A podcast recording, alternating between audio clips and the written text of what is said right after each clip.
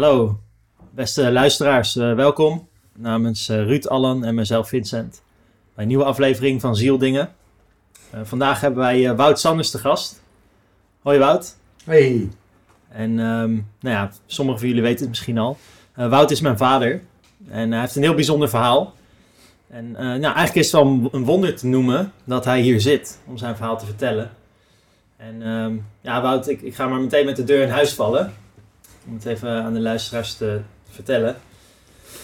In 2011 eh, werd er bij jou uh, prostaatkanker geconstateerd met uitzaaiingen in je lymfe, botten, ruggengraat en organen. En artsen waren het eigenlijk over eens. Je zou nog drie maanden te leven hebben. Uh, bestrijding had geen zin meer, zeiden ze toen. Het enige wat ze uiteindelijk probeerden was de groei van tumoren 1 à 2 jaar te remmen met hormoontherapie.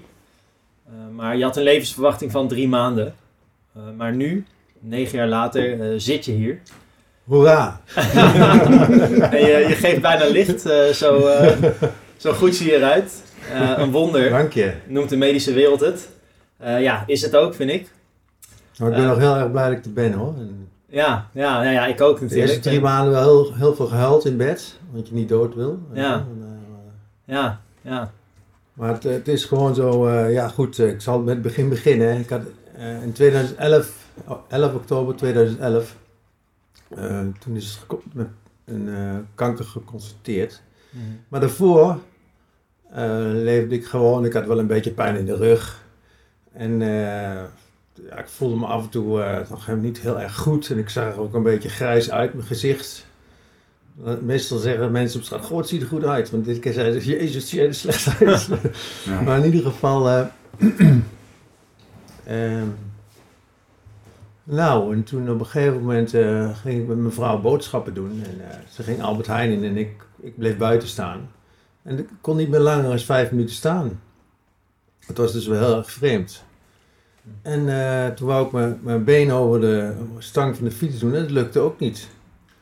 Lukt dat fysiek niet of lukt het niet van de pijn? Of... Nee, fysiek lukte het niet. Ik kreeg je been van niet omhoog? Ik kreeg mijn been niet omhoog. Zo. En ik kon dus ook niet meer staan, zei ik net ook al.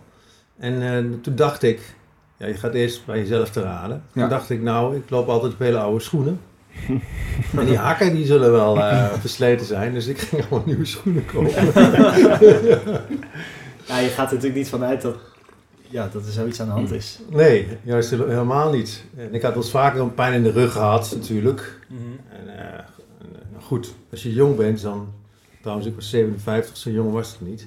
Maar je, van binnen ben je jong, dus ja, je gaat op die schoenen door. Hè? Ja. Maar goed, op een gegeven moment was, werd het dus zo erg dat ik niet meer kon staan. Dat ik mijn been niet meer over uh, de stang van mijn fiets kon krijgen. Dat we toch maar naar de huisarts zijn gegaan. En bij de huisarts uh, hebben ze bloed van me afgenomen. Toen kom ik dus weer naar huis. Daarom weet ik ook huisarts. maar goed, uh, en toen uh, waren we de volgende dag of twee dagen later thuis. Er werden in één keer door vijf doktoren gebeld. Want uh, er was iets niet in orde. Okay. En het bleek, ze hadden dus PSA gemeten. PSA is een soort waarde waar ze de prostaatkanker mee, mee, mee meten. En die mm -hmm. is tussen 0 en 4. Als het goed is, bij iedereen is hij tussen 0 en 4. Dus bij, bij de meeste mensen, bij zeg maar normale mensen is hij tussen 0 en 4? Het is 0 en 4. En dat is okay. een, soort waarde die heeft te maken met, uh, met de eiwitten in je, ja, in je geslacht, zou ik maar zeggen. Oké. Okay. En het en als die dus veel te hoog is, dan heb je kans op kanker. Is het ook een ontstekingswaarde of zo? Ja, hoe hoger die is, hoe groter de kans op ontsteking is. Oké. Okay. Dat is trouwens wel een uh, uh, leuke die je zegt over die ontstekingswaarde. Uh, want, even kijken.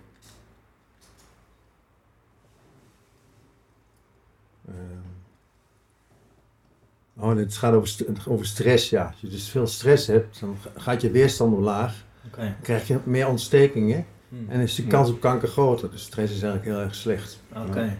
Ja. Maar in ieder geval, ik was dus bij die dokter gebleven. Dus die vijf huisartsen belden ik onmiddellijk uh, moest komen bij de huisarts. En de huisarts vertelde wat er aan de hand was. Dat hun PSA-meter ging niet hoger dan 200. En terwijl het normaalste waarde tussen 0 en 4. Dus toen moest ik net, werd ik doorverwezen naar het ziekenhuis. Dus hun, meter kon niet meten wat jij... Hun meter kon niet meer meten. Want het was erboven? Was erboven. Ja. En eh, als je normaal eh, geen uitgezaaide prostaat, prostaatkanker hebt, dan is, kan de waarde tussen 0 en 10 zijn. Weet je, maar zo gauw Ja. die dus boven een bepaalde waarde is, dan zien ze dat het uitgezaaid is. Oké, Dus is een foute 200, boel, zeg maar. 200 is helemaal een foute boel. Dus ik ging naar het ziekenhuis, daar eh, eh, werd ik ook weer gemeten. En toen bleek dat de PSA-waarde 4500 was. Zo. Nou, dat komt bijna nooit voor, 4500. Dat is, Dus- eh, zo. en voor ons betekende het ook eigenlijk niet zoveel, maar we wisten wel dat het foute boel was. Dus ik ben er heel veel over gaan lezen. Ja, En toen ben ik erachter gekomen wat er allemaal aan de hand was. Nou, eh, ja, nou goed, wij gingen dus die dag eh, naar de dokter toe om de uitslag te horen. Dat was een vrij oude dokter ja. van 64. En die eh, zei, ja, ik heb dan een hele slechte boodschap voor u. De slechtste boodschap die je in kunt denken. Je PSA-waarde is 4500. En waarschijnlijk haal je de kerst niet. En doen het volgende onderzoek doen we wel na de kerst, anders heb je zo'n lullige kerst. En dit was in... in- Het is in, eh, in oktober, eh, nee, oktober 2011. Oké. Dus in het begin. Ehm, En, maar hoe gaat het dan? Je, komt daar binnen en hij, hij vroeg of je even wilde gaan zitten, of, of zei hij meteen? Of, nou, ze hebben eerst de PSA-waarde daar gemeten. ja, En toen vertelde hij dat, ja. een dag of twee later. En eh, ik weet nog eh, dat hij, eh ze wou mijn lichaam scannen in een scan. Dus hij belde dus eh, de man op die in, een radioactieve ruimte zit, met, met dikke muren, je dus een MRI-scan kunt doen. ja. En eh, die dokter was bellen, ja, ik heb hier meneer Sanders bij hem zitten en die wil graag een scan hebben. Eh, nou, dat kan niet, kan over twee weken. Maar, zei de dokter toen, hij heeft een PSA-waarde van 4500. Oh, dat kan niet meteen komen. Dus ik kon gelijk, gelijk er naartoe. Het was dus vijf uur s'avonds. Inmiddels, en toen ben ik onder de scan gegaan. Ze zeggen nooit eh, gelijk wat er aan de hand is, hè. Maar ik zag wel, en, en, toen ik naar buiten ging in, in de ruimte achter me, eh, dat alle doktoren zich gingen verzamelen om te kijken naar mijn scan. Want dat was dus bijzonder, bijzonder hoog. Dat wist ik toen nog niet, maar later eh, Ja. reconstrueerde ik dat. En toen wa- was het dus mijn hele lichaam gaf, het helemaal, gaf helemaal licht op de scan. Dus dat was helemaal fout de boel. Maar gaf licht van de uitslag of zo? Ja, de radioactieve deeltjes, ze doen het iets met radioactief. Hm. En het wijst dan de, uitzaaiing aan. Het geeft- tumoren, dat overal. Tumoren, ja. Die Hm. geven dan licht met vloeistof die ze in- injecteren. Ja. En dan kunnen ze zien eh, of het uitgezaaid is of niet uitgezaaid is en waar het zit en het niet En het zit. zat overal. En ik was dus één grote kerstboom. En eh, ik begreep, toen begreep ik die dokter ook wel, die mij had gezegd dat, ik, Ja. dat het de slechtste uitslag was die ik in kon denken. Dus ja, Maar wat ging er toen door je heen? Want ja het is, eh, heel onbevattelijk eigenlijk als je dat hoort. En je, ja, nee, het is verschrikkelijk allemaal. je staat eerst eh, nog in Albert Heijn en je denkt dat je schoenen eh, verkeerd zijn. Dus Ja. hoeveel tijd zat daartussen? Het moment dat je dus merkt van, hé, hey, ik kan mijn eigen fiets niet op. Ik, eh, Nou, ik zou eens aan mijn schoenen kunnen liggen tot het moment dat ehm, ja, al die doktoren zich zien Een verzamelen. dag of tien denk ik, alles met elkaar. Dag of tien. Dat is, dat, dat is rap. Oké. Ja, maar in ieder geval. eh, toen eh, zat ik dus bij de dokter en toen kreeg ik dus die uitslag. En toen zei hij, zei hij drie dingen tegen mij. Je moet stoppen met werken. Eh, elke vorm van stress vermijden. En doen waar je zin in hebt. Nou, doen waar je, waar je zin in hebt, daar heb ik geen probleem mee. maar ja, stress vermijden, dat is natuurlijk, dat is natuurlijk een punt. Want je hebt namelijk een aantal verschillende soorten stress. Hè? Je hebt eh, kort, kortstondige stress heb je. Bijvoorbeeld dat je dus je fietssleutel verliest eh, terwijl je nog vijf kilometer terug moet fietsen naar huis. En je weet dat daar je reservesleutel ligt, maar die kun je ook weer niet vinden. Dat is Mhm. kortstondige stress, weet je, dat is te overzien.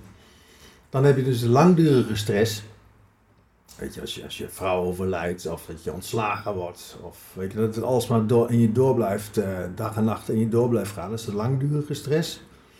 En dan heb je naar mijn inzicht nog de on- onzichtbare stress. Waar, je, die wij, al- waar wij allemaal in terechtkomen. Zoals bijvoorbeeld die 5G. Hè, waar we- jullie het ook de vorige keer over hadden. Die, dus het is onzichtbare stress die dus door de straling die in je komt, eh, gaat je weerstand omlaag. En ben je vatbaarder voor ontstekingen. En ben je vatbaarder voor kanker. En zo ook nu, nu met corona. eh, vind ik dat de wereld, de hele samenleving is, is erg gestrest. En je zult zien over vijf jaar, door die 5G en die, eh, en die corona, dat de ka- de kanker eh, enorm gaat groeien. En dat is toch niet iets wat we willen. Nee, nee. Dus ja, ik, ik wou het ook niet bij mezelf, dat het ging groeien. Ja, Dus ik heb de eerste drie maanden, ja, zijn, zijn, je moet doen waar je zin in hebt. Met, mijn- met mijn vrouw en mijn zoon en zijn vriendin zijn we naar Thailand gegaan. want dat was dat eigenlijk het eerste wat hier opkwam van doen waar je zin in hebt. Wat, wat, waar, waar dacht je toen aan? Maar ik wou wel eens, ik, wou nog, ik had nog maar drie maanden te leven, dus ik wou wel even naar Thailand. Ja, want was je ik was nooit geweest, Azië ik had geweest. heel veel over gehoord. Ja, En eh, nou, ik ben blij dat ik dat gedaan heb. Want eh, het was zo fijn, het weer is zo heerlijk en de zon schijnt altijd. En de mensen glimlachen allemaal.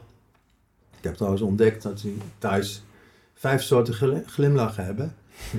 En, en eh, als ze dus lawaai maken, als ze dus lachen met geluid, dan vinden ze het echt leuk. oké. Maar die andere vier glimlachen, dat zijn, ja, daar heb ik mijn vraagtekens bij.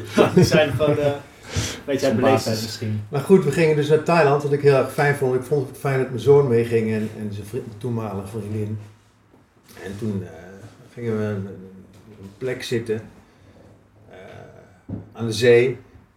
En dan was in de, de app was het alleen maar modder. Dus dan kon je door de modder lopen. Dat vond ik ook wel wat hebben, want dan moest je dus concentreren op die modder en je kon niet met kanker bezig zijn. En ook het zwemmen in het water vond ik ook geweldig. En toen had, had ik al gelezen eh, de- het belang van de zee. Als je dus langer dan 20 minuten in het water bent, dan eh, Trekken dan die mineralen? de mineralen van de zee die kunnen dan in je huid komen. Dus ik ging gewoon een half uur. Het kan makkelijk daar, want het, is 24, 25 graden het water. Ik ging gewoon lekker in de zee liggen, zodat die mineralen naar, naar binnen komen. Dat was mijn eerste strijd eigenlijk. Ik begon tegen de kanker. Tegen, Ja, dus eh, concreet iets van, oké, dit, dit, dit, dit helpt, dit draagt bij, dus dit ben ik nu even aan het doen. Ja, want in mijn, hier zo in mijn hoofd da- dachten we, nou, het kan niet kwaad, die mineralen die me kunnen helpen. Want je hebt bijvoorbeeld eh 80.000, eh, je hebt nee, 37 triljard cellen in je lichaam. Dus dat is, een, dat is 37 met 12 nullen. Dus eigenlijk ben je eigenlijk een soort melkweg. Weet je, zoveel. Zo boven, zo beneden. En eh, toen dacht ik, ja, die cellen die vinden het ook allemaal hartstikke fijn eh, als ik me relaxed voel en die mineralen komen binnen. Want die, die geven die cellen ook weer kracht. Weet je wel, een cel moet geen straling hebben van een telefoon of van eh, een televisie. Maar een cel heeft veel meer, veel meer belang bij een mineraal. Ja, En misschien een, Het klinkt heel logisch. ja. Ja, ja. Een zonnestraal, misschien zonnestraal. Dat, eh, was dat, speelde dat ook mee? In Thailand natuurlijk lekker de zon. En, Ja, die zon is een, een superbelangrijke factor. Want de zon die, eh, die eh, doet je D3, calcium aan, aanmaken. En als je 20 minuten in de zon zit, dan krijg je al 800 8000 eenheden binnen. eh, van calcium en D3. Hm. Terwijl eh, de dokter geeft mij maar 400. Elke dag moet ik een pil, zitten, pil slikken met 400. Dus Een half uurtje zon, dus dat gelijk een twintig keer zoveel. Ja. En het, Ja. en wat er niet tegen mij, is nooit tegen mij gezegd, want daar ben ik zelf achtergekomen. Toen dacht ik, later dacht ik, ja, ze gaan allemaal met die onderzoeken uit van het gemiddelde. Je wel, dus... Ja, Het is niet persoonlijk voor jou. Ja, wat ik nog, eh, nee, wat, wat- wat- nog wat iets wil zeggen erover. Van, toen ik dus die verschrikkelijke boodschap kreeg, toen eh, wist ik niet dat ik mijn levensstijl moest gaan veranderen. Want ik dacht gewoon, ik krijg gewoon pillen van de dokter. Die kreeg ik toen ook hormoonpillen. Ik krijg gewoon die pillen van de dokter. En ik zat, was normaal niet met mijn levensstijl bezig. Maar als je dus wil strijden tegen kanker, dan moet je dus doen wat de dokter zegt. En je moet je levensstijl veranderen. Want ergens is er een, iets fouts met je. Dat je, die, dat, je- Ja. dat je die kanker krijgt. Een, een disbalans. Een disbalans, ja. En eh, dus daar kwam, ik, heb ook heel veel gestudeerd in, eh, in boeken en zo. En daar kwam ik op een gegeven moment eh, wel achter dat ik dus mijn levensstijl helemaal, helemaal moest gaan veranderen. En het gaat dus niet van de ene op de andere dag. Dat duurde anderhalf jaar. Ik werd eerst 15 kilo zwaarder. Ik was bijna 100 kilo. Dus dat vond ik wel te gek worden. Maar, maar wanneer, wa- wanneer was dan het moment dat jij besefte... Want eerst zeiden de dokters dus wat ze zeiden. Toen ging je naar Thailand. En toen op een gegeven moment is er een moment gekomen waarin jij zoiets had van... Ik ga zelf onderzoek doen. Of ik ga zelf kijken. Of had je dat meteen al? Of, Nee, had ik niet meteen. Ik heb net verteld over die mineralen. Toen had ik al het gevoel dat het heel goed was. Maar dat was puur je van gevoel? de natuur, ja. het kwam gewoon van binnenuit. Ja, en toen kwam ik dus na drie maanden weer bij de dokter terug voor mijn nieuwe PSA-meting. En toen was van 4500 gezakt naar 45. En die- Wat? Va- van 4500 naar 45? Ja, 55, ik weet niet meer precies. En die dokter was, eh, was al, eh, ging bijna met pensioen. En die had er nog nooit zo'n daling meegemaakt in Ja, de dat, is, eh, dat, is, dat is een daling, zeg maar, keer 100. Of gedeeld Ja, door 100. Dus wij zagen allemaal al zo doen bij die dokter. Oh, ja. ja. Ja. Ja, Dus eigenlijk was die dokter. 4000, eigenlijk 4000 mindering. Ja, dus Ja. gewoon ongekend. Omdat je eigenlijk in Thailand was geweest en dat je in de zee was geweest. En De hormonen had gekregen en geen stress had gehad. ja, ja. Ik denk dat dat er gewoon een hele grote oorzaak was. En, en hoe, hoe lang waren jullie in Thailand? Drie weken, denk ik. Ja, oké. Maar ik- we zijn gelijk, eh, eh, dit was in, eh, in oktober. Nee, nee, no- november. Ik ben, ik ben gelijk in het voorjaar weer gegaan, want ik vond het zo fijn. Maar Je, waar, je bent ja. ook nog, geloof ik, ook nog even snel getrouwd. ja, maar daar komen ze straks op. Oké. Eh, ja, we zijn toen ook nog getrouwd.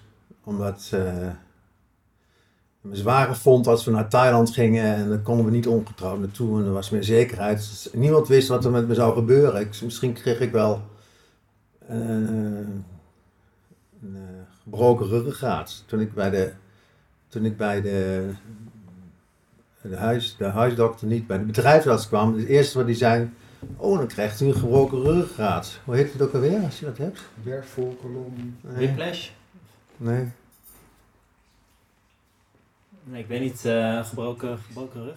Dwarslezen. Dwarslezen. Ik, kreeg- Ah, check. ik was dus bij de dokter, bij de bedrijfsarts binnen en het eerste, binnen vijf minuten, ja, u krijgt een dwarslezing. Ja, dat is gezellig. Ah, verschrikkelijk- Verschrikkelijke man was het trouwens wel.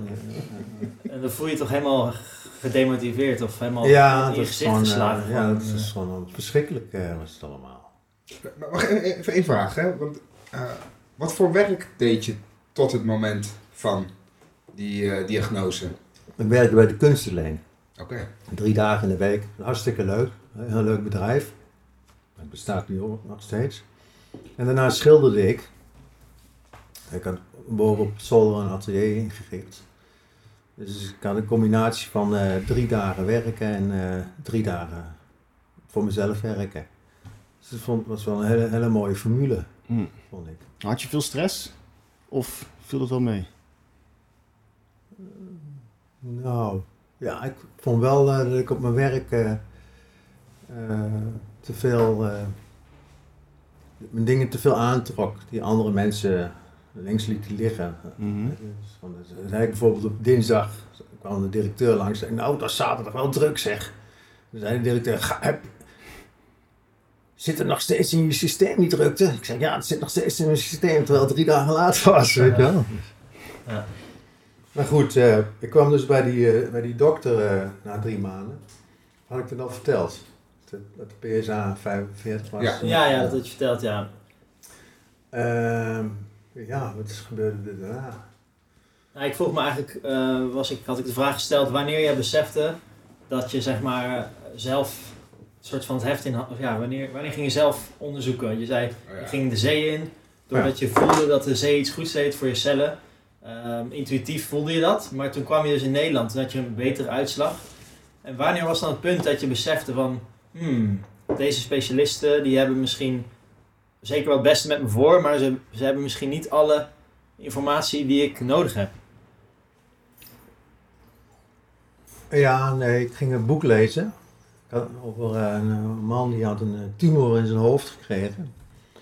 Die, die man heet eh Schreiber. Ja, Schreiber.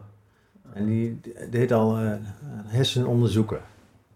En op een gegeven moment eh, was hij dus eh, aan het onderzoeken en ze hadden geen, het was een weekend, ze hadden geen proefkonijn, zal ik maar zeggen. En toen, toen zei hij bij zichzelf, zei hij, nou, ik wil wel even proef, proefkonijn zijn voor dit onderzoek. Ja, Toen bleek dus dat hij zelf een enorme hersentumor had. oké. En daar heeft hij een heel boek over geschreven. En alle aspecten van wat je allemaal wel en niet moet doen. Eh, maar ook onder ontspanningsoefeningen in Tai Chi. En eh, daar heb ik heel veel aan gehad en daar ben ik ook aan gewerkt. Veel bewegen. En eh, nou, zo ben ik heel- langzaam, ben ik mezelf langzaam gaan transformeren naar een nieuw iemand. Mhm. En, en- ja, want je zei net eh, ook dat er een punt was waarin je voelde dat je een soort, je zei ik was 100 kilo of zo. En was er dan een punt waarop je zoiets had van, nu ga ik, dit kan niet meer of zo? Was ja, het punt was het. Toen ben ik dus meer gaan bewegen, meer gaan lopen. En eh, op een gegeven moment eh, vond ik het zo fijn het lopen. eh, nou, dat het gewoon een gewoonte werd. En op, op een gegeven moment ging ik sportkleren aandoen tijdens het lopen. Eerst liep ik gewoon gewoon kleren. Dan ging ik sportkleren aandoen en toen ging ik bij mijn zwager logeren. Die woonde bij een bos. En toen ging ik in het bos lopen. En toen kwam ik in het bos terecht. En dat vond ik zo fijn in het bos, dat ik ook in Utrecht ook eh, gewoon in het bos ging lopen. En het bos bracht me zoveel. En ik had van mijn zoon ook eh Tai Chi oefeningen geleerd, ontspanningsoefeningen. En die eh, droeg toch bij dat je je toch ontzettend ru- ru- rustig ging voelen van binnen. En dat je dus de kracht van de natuur de kracht van de natuur binnenkrijgt. Dus dat is een extra kracht. Die heb je dus niet in de stad, maar die heb je dus wel in het bos, die kracht. En die kracht vond ik dus zo fijn, dat ik dus die oefening, Tai Chi oefeningen ging doen. En eh, ik ging ook, eh, wat ik van Vint geleerd, hij dankbaarheidsoefeningen doen in het bos. Mhm. Elke dag drie, vier uur trainen. Hmm. En mijn dankbaarheidsoefening was, eh, dat doe ik meestal in het begin van het bos. Dus dan loop ik gewoon en dan ga ik mezelf bedanken. Die 37 met 12 nullen ging bedanken. het schijnt zo te zijn dat die, die cellen, als er, e- als er hier iets gebeurt, dan weten die cellen het hier beneden weten ze ook. Dus het is gewoon een enorme communicatievlak is daar. Eh, maar goed, eh, ik doe dus die dankbaarheidsoefeningen. Ik be- bedank dus mijn nieren, mijn, mijn longen, mijn lever. Heel simpel, gewoon bedankt dat je er bent, onder het lopen. In de concentratie dan. En eh, nou, daar ben ik mee begonnen. En later heb ik ook nog ademhalingsoefeningen gedaan. Ik ga doen. En ehm, even een eh, vraagje tussendoor. Je vertelt het nu heel eh, zo van, oh ja, ik train drie tot vier per dag. Maar het lijkt me toch dat, dat ehm, ja, ik weet het, ik was erbij toen je dit ging leren. Zou je iets willen vertellen over hoe je tot die drie tot vier uur bent gekomen? Want ik denk mensen die dit misschien horen en die vergelijkbaar, in een vergelijkbare situatie zitten, die misschien ziek zijn of iemand kennen die ziek is, die, denk, die horen drie tot vier uur per dag. Denk zo, wow, dat is wel heel veel. Maar dat ging niet zo in één keer, toch? Dat heb je opgebouwd. Ja, ik heb dus die eh, Rainbow Tai Chi oefeningen geleerd. Die acht Ja. oefeningen. En eh, ik kwam tot de ontdekking dat het toch fijn is om dat langs de rivier te doen. En ik deed die wandelingen en ik deed... Ik kwam een man tegen die een soort meditatie deed. Dus die drie oefeningen, die drie dingen ben ik gaan doen in het bos. En, en ook je voeding, toch? Je, had een, je hebt een En speciale... de voeding, maar ik wou eerst even afvertellen over het bos. Ja. Maar in ieder geval, ik was gebleven bij de bij dankbaarheidsoefening. Eh, dat ik dus ook eh, iedere dag eh, een ademhalingsoefening doe. Bijvoorbeeld bij- de inademing bedank ik mijn hart. En bij de uitademing glimlach ik naar mijn hart. Dus dat, doe ik tijdens het lopen. nog. Adem ik in. Dan bedank ik mijn hart. Het vindt hij fijn, hart, dat hij aandacht krijgt. Alles wat aandacht krijgt, gaat beter. Moet je zo eens kijken naar een plant die je thuis eh, hebt. Als je een beetje aandacht krijgt, dan Ja. goed. goed. maar in ieder geval, eh, en ik doe dus, eh, dus, die, dus, dus, die concentratieoefening, die dankbaarheidsoefening. Ik bedank mijn lichaam, ik adem in en ik ben bewust van mijn lichaam. En ik adem uit en ik glimlach naar mijn lichaam. Ik adem in en ik bedank mijn bewustzijn en daarna glim ik naar mijn bewustzijn. Ik adem in en bedankt alle, alle objecten in mijn bewustzijn. En ik adem uit en ik bedank alle objecten in mijn bewustzijn. Met een en, en, en ik glimlach. Ja. Eh, Ja. nou, nou, nou, nou, sinds die tijd begrijp ik waarom de Boeddha lacht. Want die zit gewoon zo te lachen zo. En die is bewust van alle, alle dingen in zijn bewustzijn.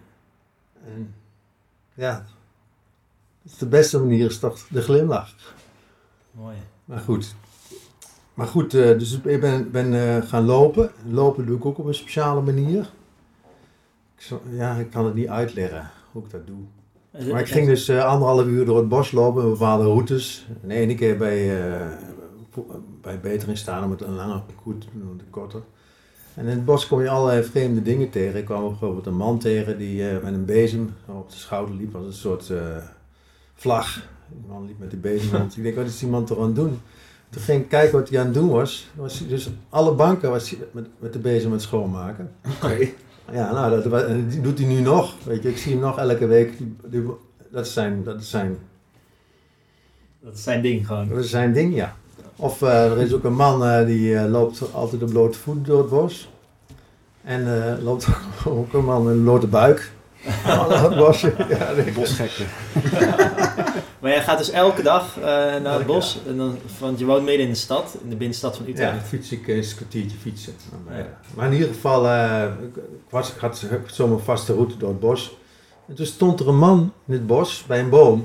En die stond gewoon eh, die stond, eh, in een bepaalde houding bij de boom. En die zie- zag ik er steeds als ik langs liep. En eh, toen hield hij me op een gegeven moment aan.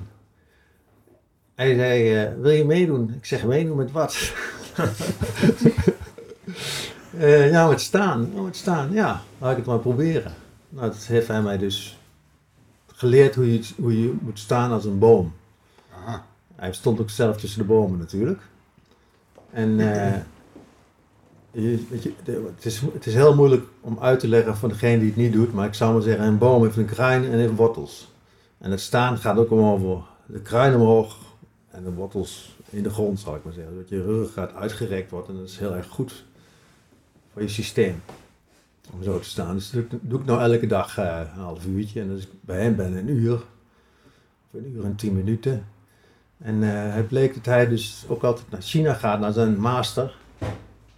En eh, had hij dus, gaat hij twee weken naartoe. En dan, eh, die master die woont in eh, Peking, op een terrein.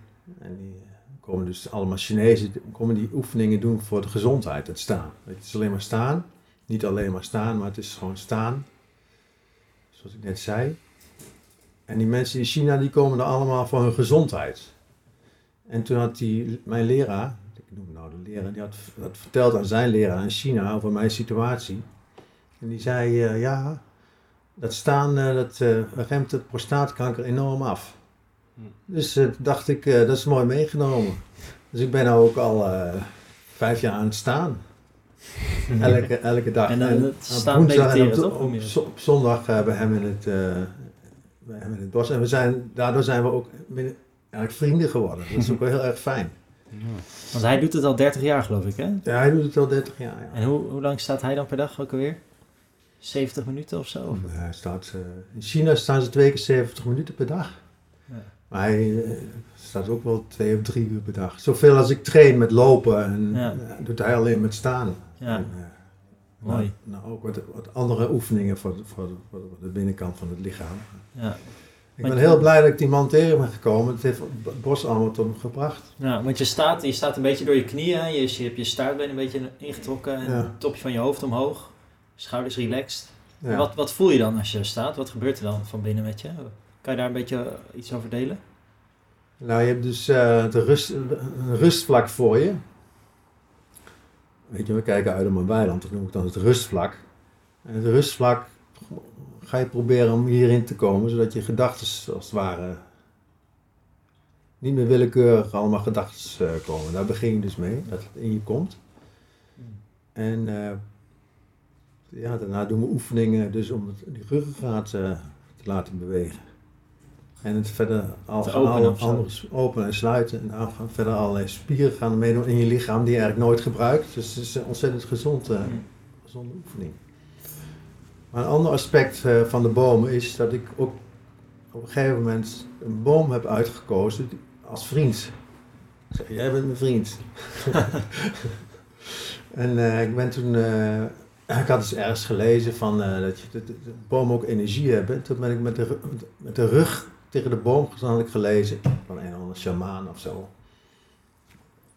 Eh, dat je met de rug tegen de boom aan moet staan. Met de hakken tegen, ook tegen, tegen, de, oh, tegen, de, Tegen de wortels. tegen de wortels. En ik ging aan die boom vragen of hij mijn rug, ruggengraat net zo sterk wou maken als zijn, als zijn wezen. Ja, dat zijn eh, structuur. Eh, ik heb nooit antwoord gekregen, maar eh, wat ik enige wat ik over kan zeggen is dat het enorm geholpen heeft. Ik had op een gegeven moment een enorm gezwel in mijn nek. Eh, ook weer pijn in de rug en toen ben ik na vijf jaar ben ik nog een keer onder de scan gegaan. En toen hebben ze mijn, mijn lichaam weer, hebben ze weer bekeken. En toen bleek dat er zo'n grote uitzaaiing, of noem je tumor. Ik wist helemaal niet dat die- dat die in mijn nek zat. Die was helemaal verschrompeld. Dus die was van, eh, voor de luisteraars, je deed net een gebaar zo groot als een pingpongbal. Ja, zo groot, ja. En die was helemaal verschrompeld. Het is helemaal verschrompeld. En eh, ik denk gewoon dat die boom dat ook eh, geregeld heeft. Weet je? Ja. Het heeft toch invloed gehad. Gewoon mentaal, dat die boom was. Van, Mhm. Ik wil net zo sterk worden als jij. Je, mijn ruggen gaat net zo sterk worden als die stam zo. Ja. En ja, ze hebben toch zelf invloed op dingen buiten de medicijn. Ja, En dat is een heel belangrijk as- aspect. eh. want Ja. eh, de, in het ziekenhuis, de specialisten zeiden eigenlijk dat de tumoren, ehm, ze konden de groei afremmen met hormoontherapie. ja. Maar ze konden niet kleiner worden. Ze konden het niet, ze konden het alleen de groei Nou, ik heb afremmen. dus uh, hormoontherapie. Ik krijg dus een injectie eh, in mijn buik. Iedere drie maanden. En eh, er zit een, een soort tubetje zit erin. Die geeft elke dag een hormoondruppeltje. Dat is wel makkelijk, want dan hoef je er gewoon eens verder niet mee bezig te houden. Alleen maar iedere drie maanden dat die zuster komt. Om die... Maar op een gegeven moment eh, was die, die, die, die injectie die ik kreeg was toch niet genoeg. Dus toen kreeg ik er nog wat andere pillen bij. Want gemiddeld staat ervoor dat je binnen 1 à 2 jaar wordt je lichaam resistent, toch? Voor die hormonen. En dan eh, heeft het geen zin meer. Ja, als je uitgezaaide prostaatkanker hebt, dan heb je maar twee tot vier jaar te leven. En dan hebben ze in de wind nog wel weer een middeltje, maar dan gaat het allemaal bergafwaarts. Dus jij bent helemaal buiten de boeken gegaan. Zeg maar. Ja, zijn, ik ben nog steeds resistent voor die hormonen. Terwijl normale mensen die worden allemaal resistent en die moeten dan een ander middel grijpen omdat de kanker dan weer... en de opbloeit. tumoren zijn eh, enorm gekrompen, wat je En net zei. Tumoren zijn verschrompeld. ja. Dat is super fijn natuurlijk en ik ben heel erg blij. Ik ben heel erg blij dat ik nog bij jou ben en bij mijn vrouw ben. Ja. En bij jullie ben. Ja, super mooi. En eh, naast het staande mediteren doe je dus ook nog andere Tai Chi oefeningen en Qigong oefeningen. De, de dankbaarheid had je het al over. En ja, vroeger liep ik in het bos en dan had ik, liep ik er dan wel rond, maar had ik mijn eigen problemen bij me. Dus ik liep niet echt in het bos. Maar nu loop ik daar rond, eh, omdat ik die oefeningen doe, gaat je concentratie toch anders zijn dan dat je gewoon een wandeling doet en je neemt, neemt een rommel mee van je werk of van eh, huis. Weet je wel, je zit er toch als maar als je dus die oefeningen doet, dan wordt het als het ware aan de kant geschoven en krijg je een opening. Die een ander soort energie is dan, dan eh, dat je, je werk, met je werk in het bos loopt. Laat je dan alles los als het ware en helpt het bos dan daarmee? Of Ja, het bos helpt je wel mee. Het bos heeft wel eh, die kracht. En, eh, ik denk ook dat het bos toch wel bewust is eh, al heel hiervan. Dat je, dat je, net zoals die mineralen in je werken, werkt, werkt het bos ook in je. Ja. Het, het kan niet anders, want je hoeft alleen maar te ruiken in het bos en dan ruik je al dat het veel beter is dan in de stad. Ja. Ik, ik merk zelf vaak eh, als ik eh, heb gewerkt en dan eh, ga ik in de pauze van mijn werk een stukje lopen door het bos. Dan moet ik meteen keihard gapen. Dan is het alsof mijn lichaam gewoon weet van oh je bent nu in het bos, nu kan ik goede zuurstof krijgen. En dan ga ik, gaap ik gewoon tien keer achter elkaar of zo. Zou dat dan ook die intelligentie zijn van je lichaam? Die dat Dan dan... ben je gewoon weer te laat naar bed gegaan. Ja, ja. ja.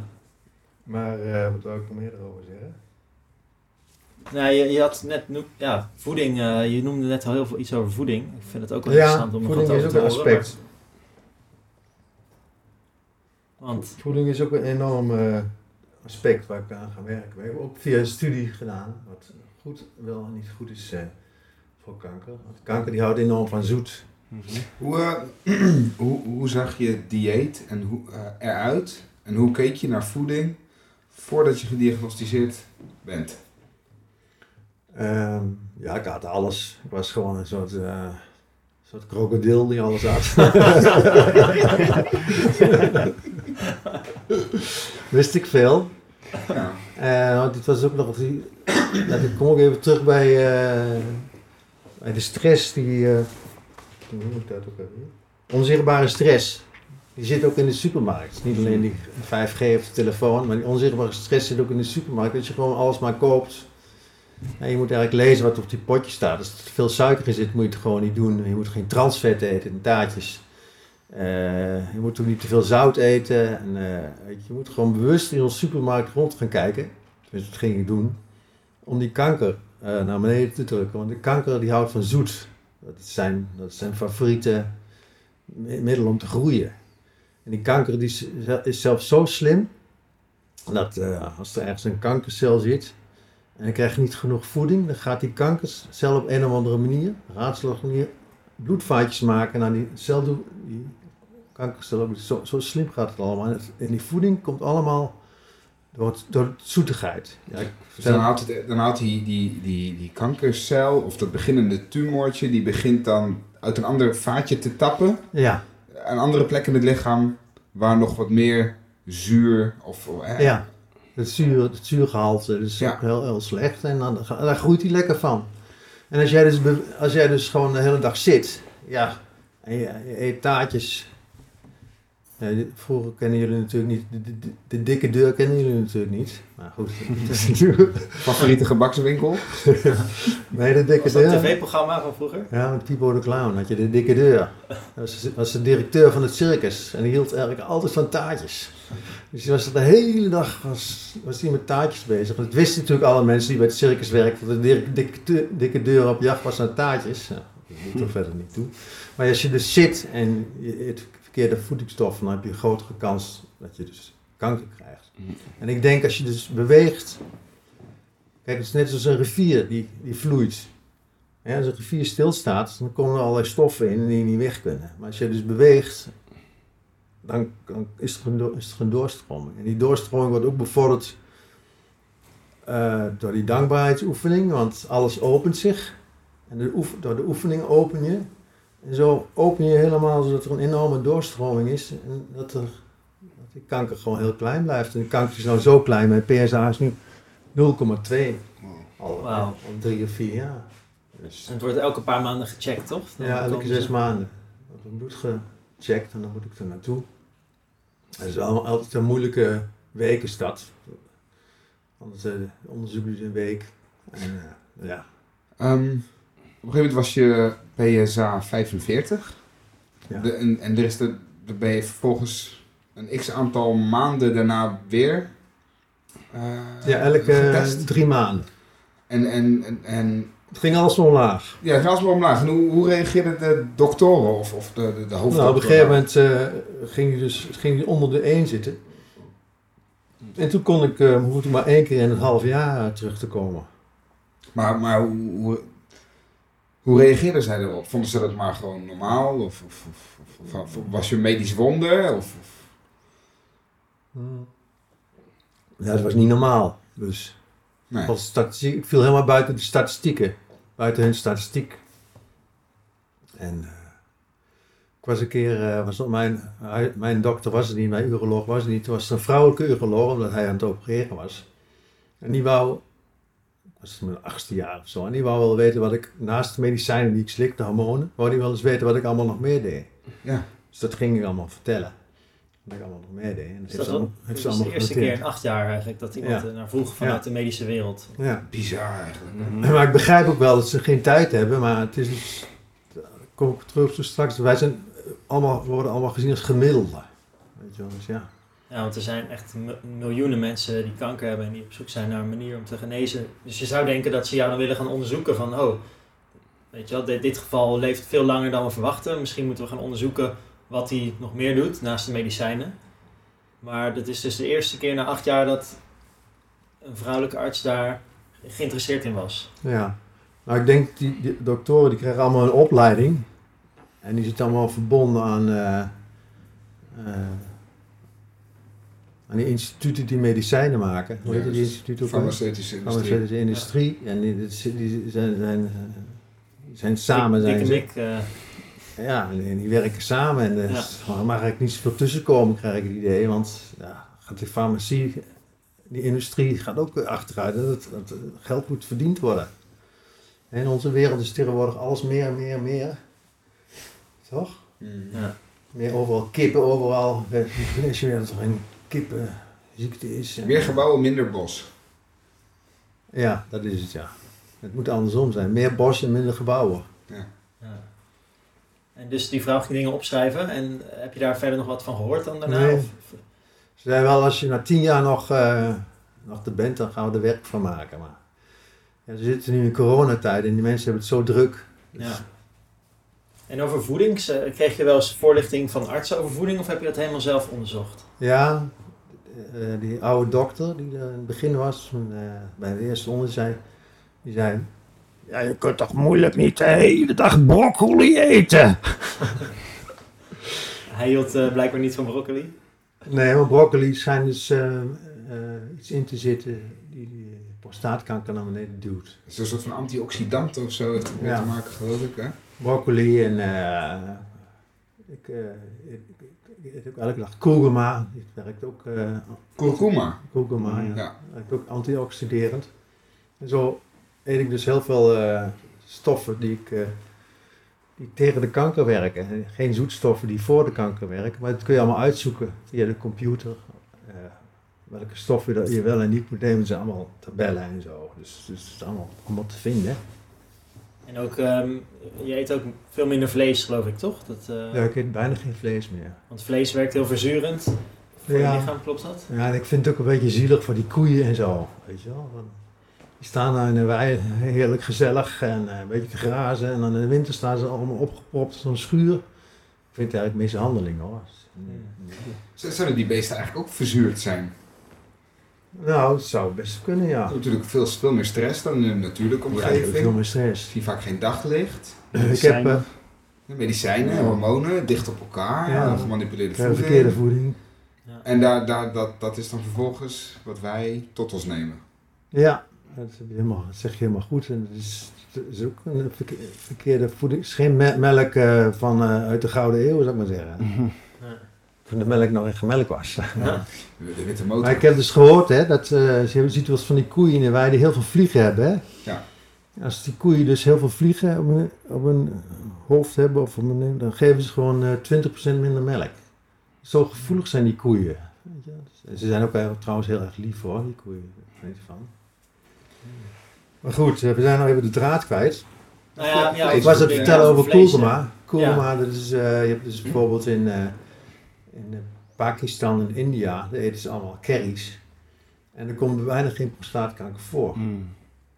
En Dus eh, dat heb ik dus ook onderzocht. En daarom ben ik kurkuma gaan eten. En die kurkuma moet je dus eten met eh, zwarte peper en met olijfolie. Of een oliesoort. Want die- als je kurkuma gewoon eet zonder die peper en die olijfolie, gaat het in je darmen. En via je darmen, dat wist ik ook niet, gaat het je lichaam in.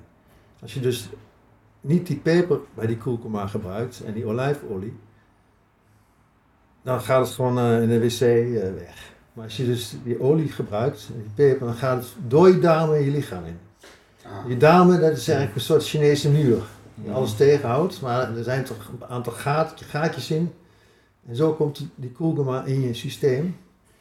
En het is heel erg eh, tegen de, allerlei soorten kanker, volgens mij, kurkuma. Ja, het is ook geloof ik heel ontstekingsremmend toch? Ja, en dan nog even, nou we toch straks hadden het ook over zonlicht, hoe belangrijk zonlicht was. Eh, als je bijvoorbeeld mensen in Zweden neemt, die hebben dus gewoon eh, hele lange winters. En daar komt gewoon twee keer zoveel prostaatkanker voor. Als in eh, Spanje en Italië en Griekenland.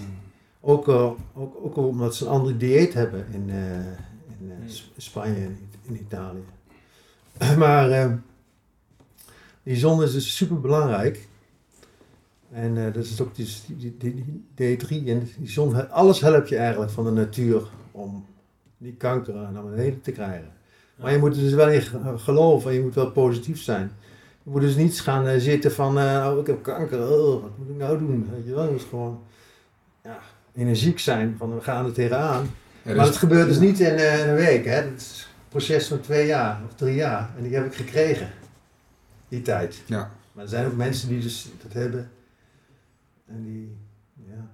En je, ja, je hebt mij wel eens verteld dat er een punt was waarin je, dat je eerst heel veel verdriet had en het echt heel zwaar had. En dat er een punt kwam waarin je meer accepteerde waar, wa- wat er gebeurd was. En dat je vanuit die acceptatie in een soort nieuwe gevoel terecht kwam. Dat je ja, ik heb een, kan zeggen dat ik met een volledig nieuw leven begonnen ben. ja, dus het begon het als je met- namelijk je levensstijl niet verandert. Ik heb een gegeven moment, een man had van mij gehoord, eh, Baren. En die had een e-mail naar mij gestuurd, wat ik allemaal, goed, wat ik allemaal deed. Dus ik had alles opgeschreven wat ik deed met voeding, met bewegen, eh, met staan. Dus had ik een kreeg ik een brief van hem terug, een mail van hem terug. Aan die hobby kan ik niet beginnen. Die hobby. Ja. Ah, en en daar had je dan je best voor gedaan. Eh, En zes maanden later was hij dood. Oh. Ja. Dus ja, ik zeg maar, als je je levensstijl verandert, dan heb je een grotere kans om kanker te overleven, overleven dan Ja. als je dan alleen maar de, de pillen van de dokter neemt en eh, maar niks Ja, ik- verandert. ja. En volgens mij ook echt volle overtuiging. Want volgens mij, je moet er vol voor gaan. Ik hoor heel duidelijk. Ja. eh, Je, je, je bent op een gegeven moment is de knop omgegaan. Je bent hier vol voor gegaan. Ja. En het, is, eh, het heeft me zoveel meer gebracht. Het heeft me echt, eh, die kanker heeft me zoveel vreugde gebracht en zoveel nieuwe dingen gebracht. Als ik alleen al het bosavontuur vertelde, het is zo fijn. Ik ben zo gelukkig, zou ik maar zeggen. Terwijl daarvoor was ik dus, ja, ik sportte wel een beetje. Dat ga ik ook wel een beetje, vond ik ook wel fijn eigenlijk. Maar niet zoals ik nu, ben helemaal zelfgenererend, zal ik maar zeggen. Dat is toch wel heerlijk. Leg dat eens uit, zelfgenererend. Nou, dat ik eigenlijk niemand nodig heb, alleen de natuur, eh, die dit mij allemaal brengt. Ik ben een soort generator die gewoon alles oppakt. Zo. Ja, ja. ja. Maar ik, eh, ja, ik wou nog iets anders vertellen. Wauw, ja, wel echt, eh, echt super inspirerend. eh, super mooi dat je, dit, eh, dat je hier live zit om dit zo aan ons te vertellen. En ja, ik ken ook heel veel mensen die jou hebben benaderd. Omdat ze Ja. verschillende soorten kanker hebben en dat ze willen leren wat je hebt gedaan. Maar het is toch, heb ik gezien, vinden mensen toch moeilijk op de een of andere manier om het allemaal toe te passen. Ja, het is zo van, hoe ouder je wordt, hoe moeilijker je je levensstijl kunt veranderen. Want daar ben je gewoon ingegroeid. Ja, En ik heb het gewerkt, ik heb, ik heb ook wel een aantal mensen die prostaatkanker eh heb ik begeleid. Maar ik merkte dat die mensen hun levensstijl helemaal niet konden veranderen.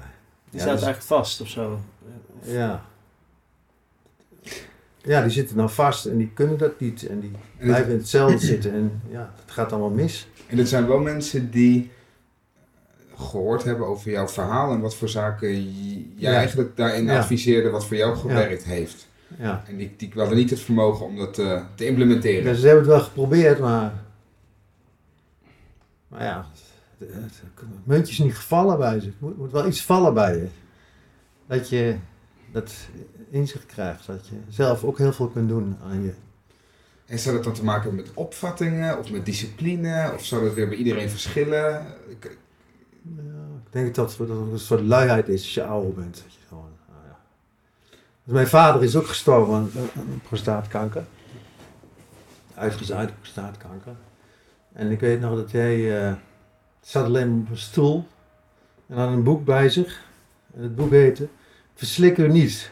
Weet je wel, hij ging dus alle pillen die hij kreeg van de dokter ging hij opzoeken. En Verslik u niet. Want dat was het enige wat hij deed. En de medicijnen nemen. Maar ik ben nu ik heb dus van hem waarschijnlijk prostaatkanker gekregen. Ik ben nu een fase verder. Ik doe niet wat hij doet, zitten en passief zijn. Nee, ik ben actief. Dus het, eigenlijk is het, ja, hoe moet ik het zeggen? Heeft het jou gemotiveerd om actiever te zijn eigenlijk? Een soort van, het heeft je wakker gemaakt om... Nou, achteraf eh, denk ik eh, misschien wel contact met mijn vader. Dat hij mij gestuurd heeft van, jongen, je moet er iets aan doen. eh. weet je, misschien is dat wel Ja. wat mee, meewerkt. Dus, eh, Ja. We hebben het dus allemaal, hebben het dus ook DNA van onze voorouders. We, zijn, we zijn ook onze voorouders. Mhm.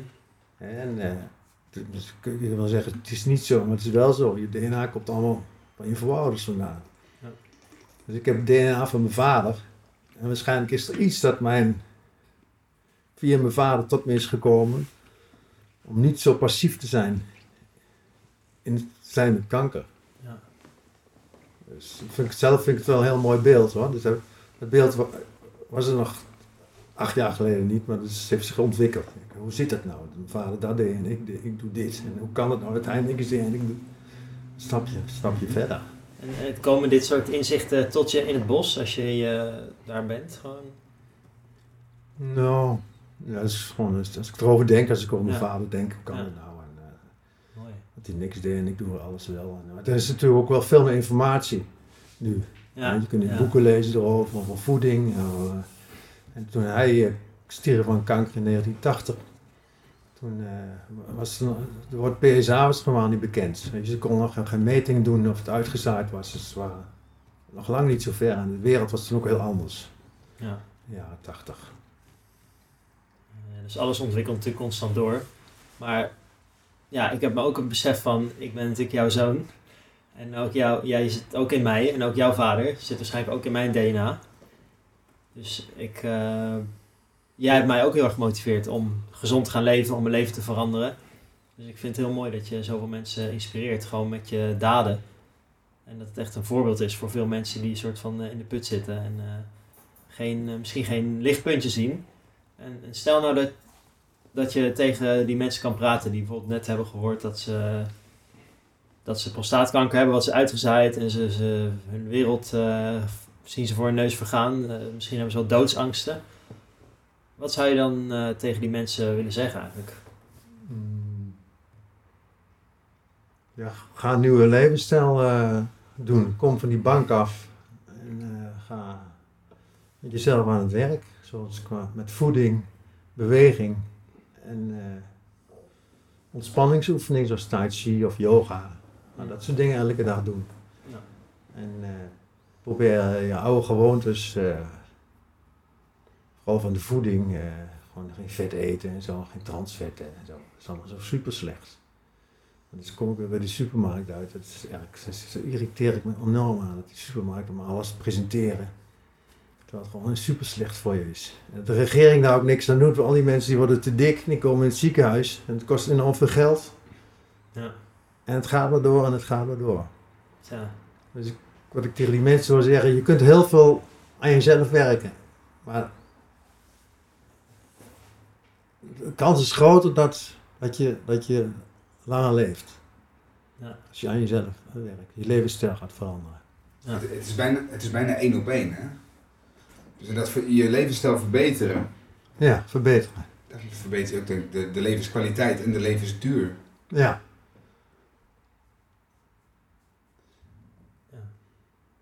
En, eh, ja. En eh, wat het andere aspect van die hormonen is, dat ik dus veel vrouwelijker ben geworden. Al mijn haren zijn van mijn armen af. En dat viel mij al op. Geen borstharen meer. en eh, mijn vrouw zegt eh, dat ze een vriendin erbij heeft. ik heb dus, eh, ik heb dus, ik vind nou bijvoorbeeld eh, door die hormonen in de stofzuiger of zo, dat vind ik helemaal niet meer erg. En als ik nou kijk, hier, kijk naar die ramen van jullie en ik dacht toen ik binnenkwam, ja, dan moet ik eigenlijk even schoonmaken. Maar is, Mag hoor. maar is dat vrouwelijk, schoonmaken? Eh, nou, het schoonmaken niet, maar de kwaliteit van het zien wel. Oké. Ja. Ja. En, eh, Ook voor detail heb je... en ik ben ook veel, eh, ik begrijp vrouwen ook veel beter. Ik ben veel meer, veel meer vrouw geworden. Ik was vroeger, Ja, ik, ik, ik herken dit wel. Mijn, mijn, mijn vader die is in eh, 2013 gediagnosticeerd met prostaatkanker. Die had een PSA van boven de 200. Nou, dat was toen al eh, shocking en heel hoog. ja nou, het is super hoog. Maar 4500, dat is, eh, dat, Dat is over- een uitzondering. dat is echt uitzondering op de uitzonderingen, denk ik. Ehm, ja, dat was toen ook even, een schok van, hé, hey, eh, ongeneeslijk ziek. Zo werd dat ook verteld. Levensverwachting, nou, eh 1 tot anderhalf jaar. Ja. En ehm, uitzaaiingen waren toen nog minimaal, als, voor zover ik het goed heb. Ja. Nou, daar, daar, die kreeg ook eh, inderdaad medicijnen. Dus die ging heel erg zitten op van, oh, dit... Hij ging wat meer in de slachtofferrol. Dit was hem overkomen. Oh ja? Hij, hij nam niet echt het he- heft in eigen handen. Focuste, focuste Ja. zich vooral op de doktoren en dat traject. Eh, op een gegeven moment eh, was dat, dat, dat eerste medicijn, die pillen, die, nou, dat werkte dan niet meer. Dus ging men over op een Ja. ander middel, dus het hormoon. Dus er kwam dan eh, één keer per kwartaal zo'n an- an- anestiste. Daar kwam mijn zuster een eh, chip kwam- zetten. Ja, kwam een, een zuster kwam dan langs eh, met een heel dure hormoonprik. Ja. Die dan in zijn buik eh, toegediend kreeg. En dat was dan het oestrogeen, wat dan inderdaad die, die aanjager, hè, dat PSA, naar beneden moest brengen. Ja. Dat, dat werkte, dat ging een tijd lang goed. ja testosteron, de bedoeling is dat de testosteron helemaal omlaag gaat. Ja, want die PSA, dat, is toch, dat ligt volgens mij heel dicht bij testosteron. Hè? Ja, PSA is volgens mij een eiwitwaarde die iets, Ja. iets ge- te doen heeft met de vloeibaarheid van je zaad of zoiets. Oké. Ik weet niet precies. Is het niet zo dat de testosteron de, de tumoren voedt? Ja, En dat als de testosteron dus met oestrogeen wordt onderdrukt, Ja. dan krijgen de tumoren geen voeding meer. Waardoor ze niet meer, gro- of, ja, Ja. niet meer kunnen groeien. Totdat je lichaam resistent wordt. En dan gaat die testosteronproductie toch weer op gang komen. ja dat is daarom, daarom wat jij ook het vertelde, die pillen, die hormoonpillen, die werken op een gegeven moment niet meer. Want de testosteron gaat weer omhoog. Ja, nou, Dus nou, dan moeten ze weer omlaag zien te krijgen en dan hebben ze weer een nieuwe. Ja, ja, Want dat was bij jouw vader dan gebeurd, Ruud. ja? Dat- ja. En die heeft toen... eh, hij, hij, eh, hoe zal ik het zeggen? Zijn vrouwelijke kant eh, ontwikkelde zich heel eh, sterk. Ja, maar dat, dat- bij je vader heb je dat gemerkt? Ja, ja, zeker. Dus die werd ineens heel eh, empathisch, veel Ja. gevoeliger. Dat kon ook. een, film kijken, die, die, die kon dan tranen laten. Ach, in het begin eh, van mijn hormoonkuur had ik bijvoorbeeld de Bridge on the Troubled Water. Van eh, Simon and Garfunkel. Was dan op de radio. Ken je het? Bridge on the Troubled Water, Bridge on the Troubled Water. Ja, ik ken Nou, het dan begon ik te huilen dat als ik het op de radio hoorde. Ah, ja, ja, ja, ja, nou ja, nou, het is Gewoon op dat. maandagochtend om 10 uur. Ja, nou, dat, dat was wel iets heel moois, vond ik, om te zien die ontwikkeling. Want het, het maakte wel dat het eh, mij en mijn vader dichter bij elkaar bracht. Ja. Omdat daar waar ik wel eens refereerde naar wat dingen die ik vervelend en pijnlijk vond uit het verleden, liep ik eerst tegen een muur van weerstand en ik, eh, het zou allemaal aan mij liggen. Ik zag dat niet goed. En nu kon hij dat toch beter horen en erop reflecteren en dat terugbrengen hoe hij dat zag van het context van de tijd. Dus dat bracht zeg maar in onze relatie destijds best wel veel heling. Nou, geweldig. Dat was heel mooi. Ehm, hij eh, probeerde ook zijn levensstijl aan te passen, voor zover hij dat wist. Want wat, wat, wat ik jou hier nu hoor vertellen, als hij dat geweten had, dan, dan was hij dat denk ik zomaar ook gaan doen. Mhm. Want hij was al wel eh, gepensioneerd Mhm. en hij ging eh, dan wel wandelen, dat hoor ik ook eh heel duidelijk terugkomen. Maar dat deed hij dan wel gewoon in die Phoenix-locatie tussen die gebouwen. Ja. En hij, hij- ja, hij begon gezond te eten en te drinken. En, Maar eh, dat had hij dus vanuit een natuurlijk eh, gevoel gekregen of had hij er ook een beetje over gestudeerd? wel een beetje over gestudeerd, Ja, ja. maar hij, hij, bleef wel heel erg in de westerse Ja, ja. eh, gezondheidsideeën Ja, ja. hangen, zal ik maar zeggen. Ehm, en dat is uiteindelijk wel fataal geworden. Eh, dusdanig dat hij zelf de stekker eruit heeft getrokken. Dat was in 2017. Mhm. Ehm, Hij kon het niet meer dragen. Ja, dat vind ik wel een lastige, want ik denk dat er veel mensen zouden zijn die dat nog een heel acceptabel niveau vinden, vonden, zouden Ja. vinden van levenskwaliteit. Dus hij was, er, hij was, nog, hij was er hier nog helemaal, aan zijn uiterlijk zag je redelijk weinig. Ehm, Ja. Nou, had wel hier en daar wat pijn, maar had ook wel morfine. Maar hij zegt, ja, een ziektebed en zo voor mij, ah, dat allemaal niet. Dus hij had wel in een heel vroeg stadium eh, de papieren geregeld dat hij eh, kon kiezen voor euthanasie. En dan vrij snel eh, trok hij de stekker eruit, want hij wilde niet herinnerd worden als een kastplantje. Zoals hij dat zelf dan noemde. Maar achteraf kan ik me zo, geloof ik best wel dat in het stadium waarin hij was, waarin hij de stekker eruit trok, dat, dat er misschien nog wel een weg terug was naar, eh, naar een stuk levenskwaliteit en levensduur. Maar goed, dat, dat, is, dat is achteraf. Maar eh, ja, het, is, het is hetzelfde ziektebeeld in ja. essentie. Het is wederom weer, eh, ja, Ik ken wel meer mensen met uitgezaaid prostaatkanker die ook gewoon mee gestopt, zijn, die geen zin hebben in de bijwerkingen. Ja. Nou, zo zit ik niet, in- niet in elkaar. Nee. Ja, misschien als ik straks eh, niet meer kan lopen of zo, weet ik veel, dan ga ik er misschien anders over denken. Maar voorlopig eh, heb ik het bos nog achter me staan. En de tuinsioefeningen. Ah, En mijn vrouw, en mijn zoon en eh, de hele samenleving. Ja. Ja, dat is het laatste wat ik heel veel over wilde zeggen, want dat vind ik opvallend. Hè? We hadden het net over het zonlicht en de vitamine D. Bij hem werd gezegd, mijn, mijn vader die, die is een, een, was een, een negroïde man. Dus die komt dus, Oh ja. het is geëvalueerd in een gebied waar dus aanzienlijk meer zon is als in een land als Nederland. Een land wat eigenlijk voor de helft onder water hoort te liggen. Ehm, en, dat, en dat hij dus door onvoldoende vitamine D, onvoldoende zonlicht en altijd veel binnen gewerkt. Hij was onderwijzer, was, was altijd in schoolgebouwen en noem maar op. Ehm, dat dat de trigger is geweest. Maar daar heb ik wel een antwoord op. Ja, Want als je in, in Afrika, dat is heel vreemd, daar schijnt de zon dus enorm. Dan heb je zwarte mensen. En hoe zwarter je huid is, hoe minder je vitamine D fabriek wordt aangezet. Dus hoe zwarter je huid, hoe moeilijker die vitamine D3 Ja. bij je naar binnen komt. En wat gebeurde er nou? Ze zeggen dat eh, de mens in Afrika is begonnen met leven. Ik weet niet of het zo is. Anderen zeggen in China, maar laten wij zeggen in Afrika.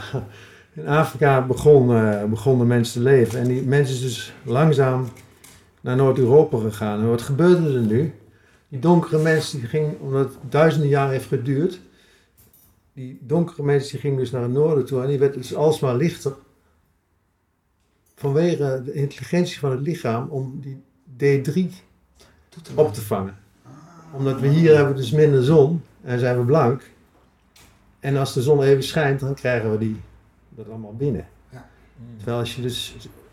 Ja, ik heb, ik heb dus gelezen dat heel veel prostaatkanker bij eh, donkere mannen voorkomt. Ja. Dus het is gewoon eh, het is te, wei- te weinig die D3 eh, Oké. in hebben.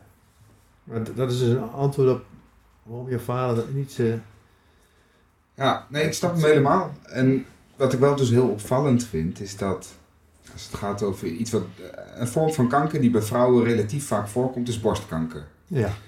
Vrouwen hebben daarvoor eh, volgens mij eh, standaard één of twee keer op controle te komen in hun leven. Ja. Of misschien wel drie keer, dat weet ik even niet. Details weet ik niet. Bij mannen komt vaak prostaatkanker voor. Vooral volgens mij vanaf 40, 50 jaar, soms 60 jaar. In die Ja. range komt dat voor. Maar dat, dat, dat zit niet in het systeem dat Ja. mannen ook, eh, wanneer ze 40 worden, een keer een oproep krijgen met van wilt u eens komen dat u uw PSA-waarde is gaan meten om te kijken hoe het met uw conditie van uw prostaat gesteld is. Ik noem maar even iets. Dat heb ik altijd heel opvallend gevonden. Dat is ook een hele vreemde zaak. Ja, want jij bent toch volgens mij voor, nog ver voordat je überhaupt eh, kanker had, een keer naar de dokter gegaan. Om, en heb je aangegeven dat je graag gecheckt wilde worden.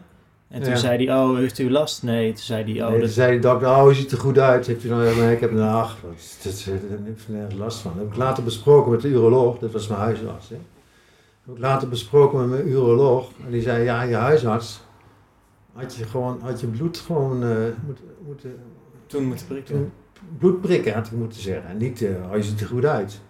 Had ik, ja. Ik, Ongelooflijk. heb- en ook later ook ben ik naar een andere huisarts gegaan natuurlijk. En ik heb hem vier of vijf jaar later heb ik nog, ben ik nog een keer naar hem toe gegaan. Hij wist het helemaal niet meer. Maar hij heeft toch zijn excuus aangeboden voor dat hij dat zo gedaan had. Dus, ja, dat is een, eh, beetje een minpuntje in het geheel. Had het dus niet hoeven hebben eigenlijk.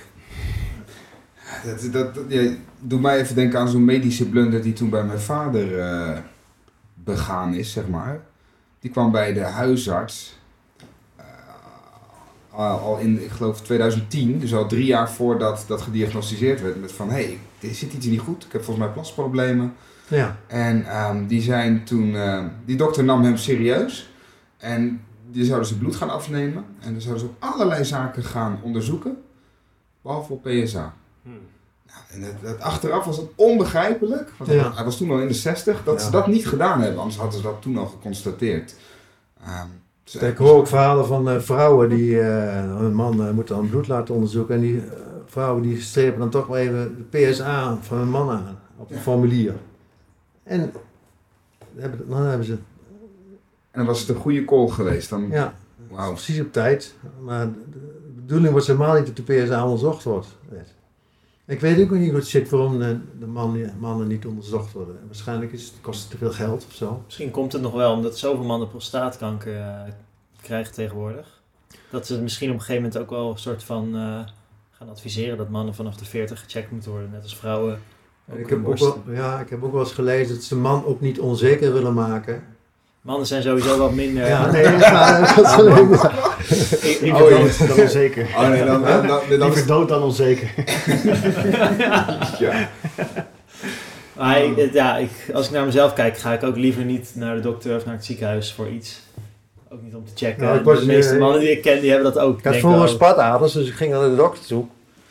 En eh, zei de dokter, goh, dat jij hier bent met, met die spataders. Normale mannen komen hier met bloed in hun schoenen. Die, ko- daar kopen ze pas, als er bloed in hun schoenen Ja, staat. ja, Nee, om aan te geven dat de man toch heel anders is. ja. Hè? Maar dat, dat, ja, de precies. mannen durven ook niet naar de dokter of zo. Die, willen, die laten het maar een beetje aanrommelen. Ja, nou, ik ben zelf wel ook een voorstander van vertrouwen in het zelfgenezend vermogen van je lichaam. Maar soms, als je echt een, eh, de nood aan de man is, ja, dan, eh, dan moet je natuurlijk wel... eh, Ja, als je, heb je, als je hulp nodig hebt, heb je hulp nodig. de tandarts, als je kiespijn hebt, Ja. de tandarts, Ja. als je blinde darm ontsteking Ja. hebt, moet die eruit. Daarvoor is soms medische zorg goed, maar wat jij ook net vertelde, is, er is nog heel wat te leren, leren voor de doktoren. Ja, en altijd belangrijk om ook zelf te blijven voelen. Je lichaam heeft ook intelligentie. En wat je net ook al aangaf, dat je lichaam de zee in wilde en voelde dat die mineralen daar zaten. Weet je wel, altijd zelf ook heel erg blijven luisteren naar jezelf van binnen. En ook natuurlijk naar de dokter, maar ook niet jezelf net doen of je geen wijsheid in je hebt of zo. Want dat heb je wel. En dat blijkt al uit jouw verhaal, dat je gewoon intuïtief alle dingen ging doen die hielpen, die nu achteraf blijken te helpen. Ja, nee, het klopt. Je moet je hoofd als het ware een beetje uitschakelen. Ja. Meer, meer met je hart bezig zijn en eh, ja, meer voelen wat er allemaal gebeurt. Eh, ik vind ook wel eh, het eh, leuke van, eh, ik heb van jou die Tai Chi oefeningen geleerd. En eh, van de Chi, als je dus ergens een pijntje hebt, dan stuur ik daar die energie naartoe en dan gaat vaak het pijntje weer weg. Of het, zich- het hield zichzelf. Die ervaring heb ik wel. Dus dat is wel Ja. super is dat. Ja, want je hebt ook wat... En, en, en wat ik nog wil zeggen is, Ja. die krachten, die zijn dus al duizenden of tienduizenden jaren zijn die aanwezig. mhm. Hè? En, en, en ja, we gaan er steeds verder vanaf eigenlijk. Ja, je zegt we gaan er steeds verder vanaf. En ehm, wat vind je van de van hoe zeg maar de overheid of de media de mensen op dit moment, terwijl we in een pandemie zitten, althans zo, zo, zo, zo wordt het aangeduid. ehm, tot in hoeverre vind je dat de mensen op de juiste manier eh, worden gevoed om bijvoorbeeld hun eigen gezondheid en immuunsysteem eh, te versterken? Ik krijg eh, de indruk dat de overheid er helemaal niks aan doet. Zo bijvoorbeeld, eh, die, eh, we hebben nou, zijn eindelijk die pakjes sigaretten afgedekt in de supermarkt, geloof ik. Ja, dat klopt. Vier of vijf jaar geleden was het in het buitenland overal gaande. Dat, dat, dat gebeurt, maar in Nederland dus niet. Ik denk, waarom gebeurt dat niet? Hè? Ja. Maar wat was, je, was je vraag? Over de overheid? Nou, we- zitten in de pandemie, hè? Nou, we horen dus heel veel van de media en de overheid. Ehm, ja, en, en, en, eh, en wat vind je ervan, tot in hoeverre zij eigenlijk de mensen ehm, stimuleren om dus vooral hun- te werken aan hun eigen gezondheid en immuunsysteem? Daar heb ik geen antwoord op. Politiek is volgens mij. eh, ja. Dus, eh, sorry dat ik het zeg, maar behoorlijk verrold. Oké, nou, dat, is- dat is toch een antwoord? Ja. Nee, Ja, ja. misschien We een beetje zijn als- allemaal bezig met, eh, weet je, als ze bijvoorbeeld, eh, ze zijn allemaal bezig met, een- met de verkiezingen die in maart zijn. En dan willen ze dus gewoon eh, geen leden verliezen. En dan gaan ze dus niet zeggen van dit en dit mag je niet doen, want dan denken ze dan, heb- krijg ik 300.000 mensen tegen me. Want het kost weer zoveel stemmen. En dat vind ik dus helemaal nergens op slaan eerlijk gezegd. Het heeft ook niks met democratie te maken. Het is gewoon, ja, gewoon dom is het gewoon allemaal. Ja. En ehm, ik wil nog heel veel terugkomen op eh, over de vrouwelijke hormonen en waar we het net over hadden en de mannelijke hormonen. Omdat ehm, ja, vanuit een Tai Chi en Qigong en Qi Healing perspectief, waar ik natuurlijk eh, helemaal in verdiept heb, eh, zien we het zo dat je, als je gaat healen, dat je als eerste wil gaan luisteren naar, je, naar jezelf, naar je pijn, zonder oordeel. En luisteren is eigenlijk een soort vrouwelijke kwaliteit. Het ontvangen van wat er is, wat je voelt, qua pijn, maar ook emotioneel.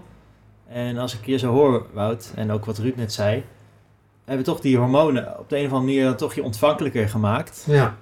Ja. Waardoor je makkelijker goeie. eigenlijk deze, die helende energie die in de Ja. natuur is, Dat is, een dat goeie. is een kracht. En die kracht kan je zien als, als een Ja. soort yang. En jij, als je yin wordt, ontvankelijk, vrouwelijk, dan kan je die kracht dus ontvangen. Maar misschien bij sommige mensen die dus niet genoeg ontvankelijkheid hadden, konden die dat dus misschien niet ontvangen. Ja, dat is precies, precies, precies de vinger erop. Die empathie wordt groter. Ja, Van ontvankelijk. eh, wat je meer vrouwelijk eh, wordt. En, En, je ging je emoties ook uiten. Want dat is ook iets wat, ja, waar ik me dan mee bezig hou. Met dat het heel belangrijk is om te voelen wat je voelt.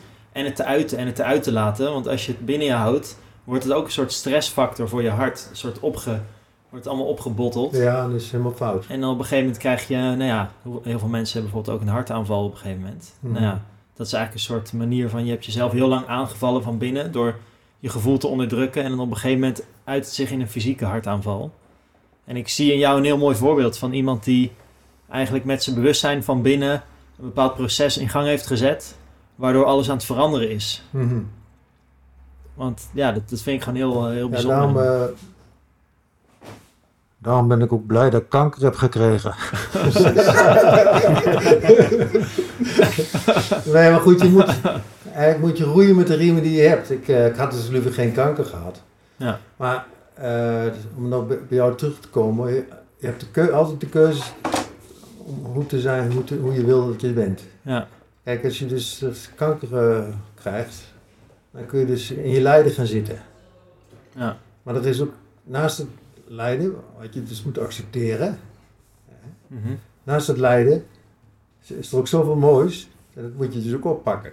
En op een gegeven moment klikt het in elkaar, zodat je lijden minder wordt en het mooie wordt mooier. Ja. Maar je, je moet wel, eh, je moet wel die weg afleggen van dat je het accepteert dat je het lijden van de kanker hebt en dat je dat, dat niet overwicht laat hebben op je. Maar dat er andere dingen die er zijn in de wereld, dat die, dat, dat, die gaan het, het lijden op een gegeven moment overheersen. En daarom kan ik zeggen dat ik blij heb dat ik kanker heb ja. gekregen, omdat ik gewoon ja, heel erg in, ook in het moment leef. Dat, dus dat probeer ik. Ja, ja mooi ja. En ik, ik moet ook zeggen dat jou... Ik was toen 25, toen jij eh, hoorde dat je drie maanden te leven had. En mijn wereld is ook helemaal wakker geschud. Ja, Want ik was eigenlijk ook jou, niet echt... je, je hebt je eer- wereld eerder wakker geschud dan ik mijn wereld. Ja, want ik was eigenlijk ook niet echt blij. Misschien met was jij wel het voorbeeld. Dat zou kunnen, want ik, eh, wij hebben natuurlijk samen veel tai chi gedaan. En. Wat ik van mijn leraar leerde, gaf ik aan jou. En jij leerde ook weer van Ja. in het bos van die eh, meneer. En zo is het allemaal samengekomen. Maar toch, ik zie dat ik ook... Ik was eigenlijk niet helemaal happy met mijn leven. Ik dacht, een feest is het leukste wat er is. Maar ik was een beetje verslaafd aan dat eh, feesten. En mijn werk vond ik niet echt leuk. En ik vroeg mezelf ook af van... Wat zou ik eigenlijk doen als ik nog drie maanden te leven had? Omdat jij daarin zat werd ik ineens geconfronteerd met dat het leven eindig is en dat we allemaal doodgaan. Had ik nog nooit bij stilgestaan. Toen in 25 jaar nog nooit eh, beseft dat we allemaal dat er een punt komt dat iedereen gaat overlijden. En door me dat af te vragen kon ik in één keer, en het kwam zo dichtbij, kon ik ook in één keer mijn leven beteren. Dus dat is ook jouw pijn en jouw proces heeft ook mij heel positief beïnvloed. Mhm. Op een Ja, gegeven moment zei ik tegen mezelf van als dit gaat werken dan... Fantastisch dat jij dat deed. Ja, en ik heb hier nu echt gewoon mijn levenswerk van gemaakt om me hierin te verdiepen. En Ja, nee, supergoed. Ja, Maar dus- de- maar ik had het eerst over mijn vader ja, en de stapjes die ik gemaakt heb. ja. En jij maakt nu weer een stapje verder. Ja. Zie je hoe, hoe het werkt? Van generatie op generatie. Ja. En zo geloof ik dat we als mensheid kunnen evolueren. Ja. Dat we steeds, elke generatie doet weer ze, gaat weer verder in de evolutie. En dan ondanks de negatieve dingen die er ook aan de hand zijn in de wereld, zie ik toch dat er van binnenuit ook een soort revolutie plaatsvindt. Ja, het is net zoals met het lijden. Weet je, je moet gewoon, eh, het is wel allemaal die vervelende dingen, maar je moet het toch iets allemaal binnen laten komen. Ja, het is Je moet allemaal Je moet het transform- omzetten. ja, transformeren naar. Het lijden blijft dan we- nog wel, maar het wordt anders. Ja. Maar eh, om even iets anders terug te komen, iets anders wat je zei. Ehm, dat wij hebben dus allemaal het gevoel dat we niet doodgaan, dat we oneindig leven. Dus het- Immortaliteit. On- dat je niet doodgaat, hè? Ja. Ja. Dat hebben wij dus allemaal in ons. En eh, ja, ik voel ook een jaar of 30 nu, hè, maar terwijl ik 66 ben. maar eh, die, eh, onze, wereld is, in onze wereld is alles veranderlijk. Boeddha die zegt ook al, alles verandert behalve de verandering. Alles verandert ineens door. Onze cellen veranderen, die planten veranderen. eh, iedere seconde verandert alles. Wij denken, we zitten hier, dus alles is hetzelfde, maar wij veranderen dus iedere seconde. De bloedstroom door ons lichaam, eh, weet ik veel. Maar er is ook een, eh, naast het veranderlijke heb je het onveranderlijke. Het onveranderlijke hebben wij ook in ons. En het onveranderlijke, dat drijft, drijft onze veranderlijke wereld op. En als wij dus doodgaan, dan gaan we naar het onveranderlijke toe. Waar, wij met ons veranderlijke, veranderlijke wereld op drijven. En dan heb je dus, vroeger las ik wel eens boeken ook in die tijd, toen we kankeronderzoek deden. van Goeroes die zeiden, ja, er is geen geboorte en er is geen dood. Nou, daar begrijp ik dus helemaal niks van. Er is geen geboorte, ik zit hier toch en ik ga straks dood. Maar als je dus dat veranderlijke, dat jij het onveranderlijke bent in je hebt, dat blijft dus eeuwig leven. Dus dan, dat onveranderlijk blijft altijd. En het wordt niet geboren en het is niet dood. Nee, het zit altijd in je. Dus als je doodgaat, is het onveranderlijke ook. Dan ga je naar het onveranderlijke. Ja, dat is mijn eigen theorie hoor. Ja, filosofisch. misschien een beetje Ja. veel doen. Nee, ik volg hem wel. Je, je Ja. essentie, die, Ja. je energie, die zit in je. En die, als je lichaam overlijdt, Ja, gaat de bestuurder gewoon verder. ja, Van, van het voertuig, zeg maar. ja. Maar de- ik wil alleen maar verklaren waarom je denkt dat je altijd leeft. Ja. Gewoon dat onzichtbare, het onveranderlijke, dat, dat is toch in je. ja. En dat kijkt eigenlijk naar buiten. Ja. Of zo, ja. Wauw. ja. Ah, mooi. Ik, ik eh, vind het echt mooi. Ik had toevallig laatst ook een besef van... eh, als ik uit mijn ogen kijk, net als alle andere mensen... dan is er dus iets wat dat waarneemt. Maar dat iets voelt eigenlijk hetzelfde als... zeg maar, ik ben nu 33... maar toen ik 23 was... keek ik precies een soort van op dezelfde manier... vanuit mezelf naar buiten. Nu heb ik misschien wat meer ervaring... waardoor je dan misschien wat wijzer of zo bent geworden, hoop ik. Maar toch, die essentie blijft volgens mij hetzelfde. Dus ik denk als ik 66 ben, als ik eh, dat Mhm. hoor, dat ik nog steeds op diezelfde manier met datzelfde gevoel naar buiten kijk. En dat is dan misschien die, ja, hoe je het ook wil noemen, de ziel of de energie of het onveranderlijke in je. Mhm. Wat altijd met diezelfde essentie naar buiten kijkt. Maar als je daar dan goed mee in contact kan komen, volgens mij is dat iets heel moois. Ik, ik probeer daar in ieder geval mee goed in mee in contact te komen. Al kan ik niet echt uitleggen hoe dat gaat. Maar het kan ook niet, want de hersens zijn er niet voor gemaakt. Ze Nee. aarde en die houden zich gewoon bezig met de aarde. En alles wat b- daarbuiten zit, dat is...